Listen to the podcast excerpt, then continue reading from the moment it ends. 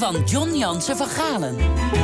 Van ongehoord Nederland kan ik met recht beweren dat ik het inderdaad nooit gehoord heb. Ook niet gezien. Wel, Arnold Kaskens, de oprichter, die liep vroeger hier bij de VPRO de deur plat. Een onverschrokken oorlogsverslaggever met een grote mond. En nu is hij in afwachting van het vonnis. Wordt hij met zijn omroep uit het bestel gezet, zoals het bestel zelf graag wil?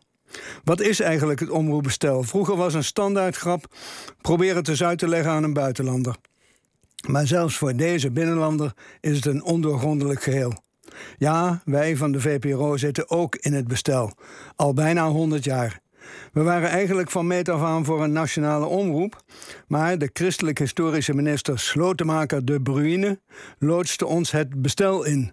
Dan konden we ook niet meer pleiten voor opheffing van het bestel. Ingekapseld heet dat. Het omroepbestel is een sneu overblijfsel van de verzuiling. De zuilen zijn verbrokkeld Niemand gaat nog naar de kerk. De KRO staat niet meer voor de paus van Rome, maar voor boer zoekt vrouw. En toch staan in omroepland de zuilen nog vier overeind. Thierry Baudet noemt de politieke partijen een kartel, maar als iets nou een kartel is, dan wel het Nederlandse omroepbestel. De belanghebbenden verdelen onder elkaar de zendtijden en de omroepgelden bijna een miljard per jaar en stellen regels voor netheid en fatsoen vast die ze zelf bewaken en waaraan ongehoord Nederland blijkbaar niet beantwoordt. Wij van de VPRO overtraden die regels vroeger met voorliefde. We knipten de hekken rond een luchtmachtbasis in Brabant door en in Germaine Zangienne schonden we alle regels van preutsheid en welvoeglijkheid. Dan kwam er een onderzoek van justitiewegen met de dreiging van een fikse boete. En zo hoort het. De rechter bewaakt de regels, dat doe je niet onder elkaar als de braafste jongetjes van de klas.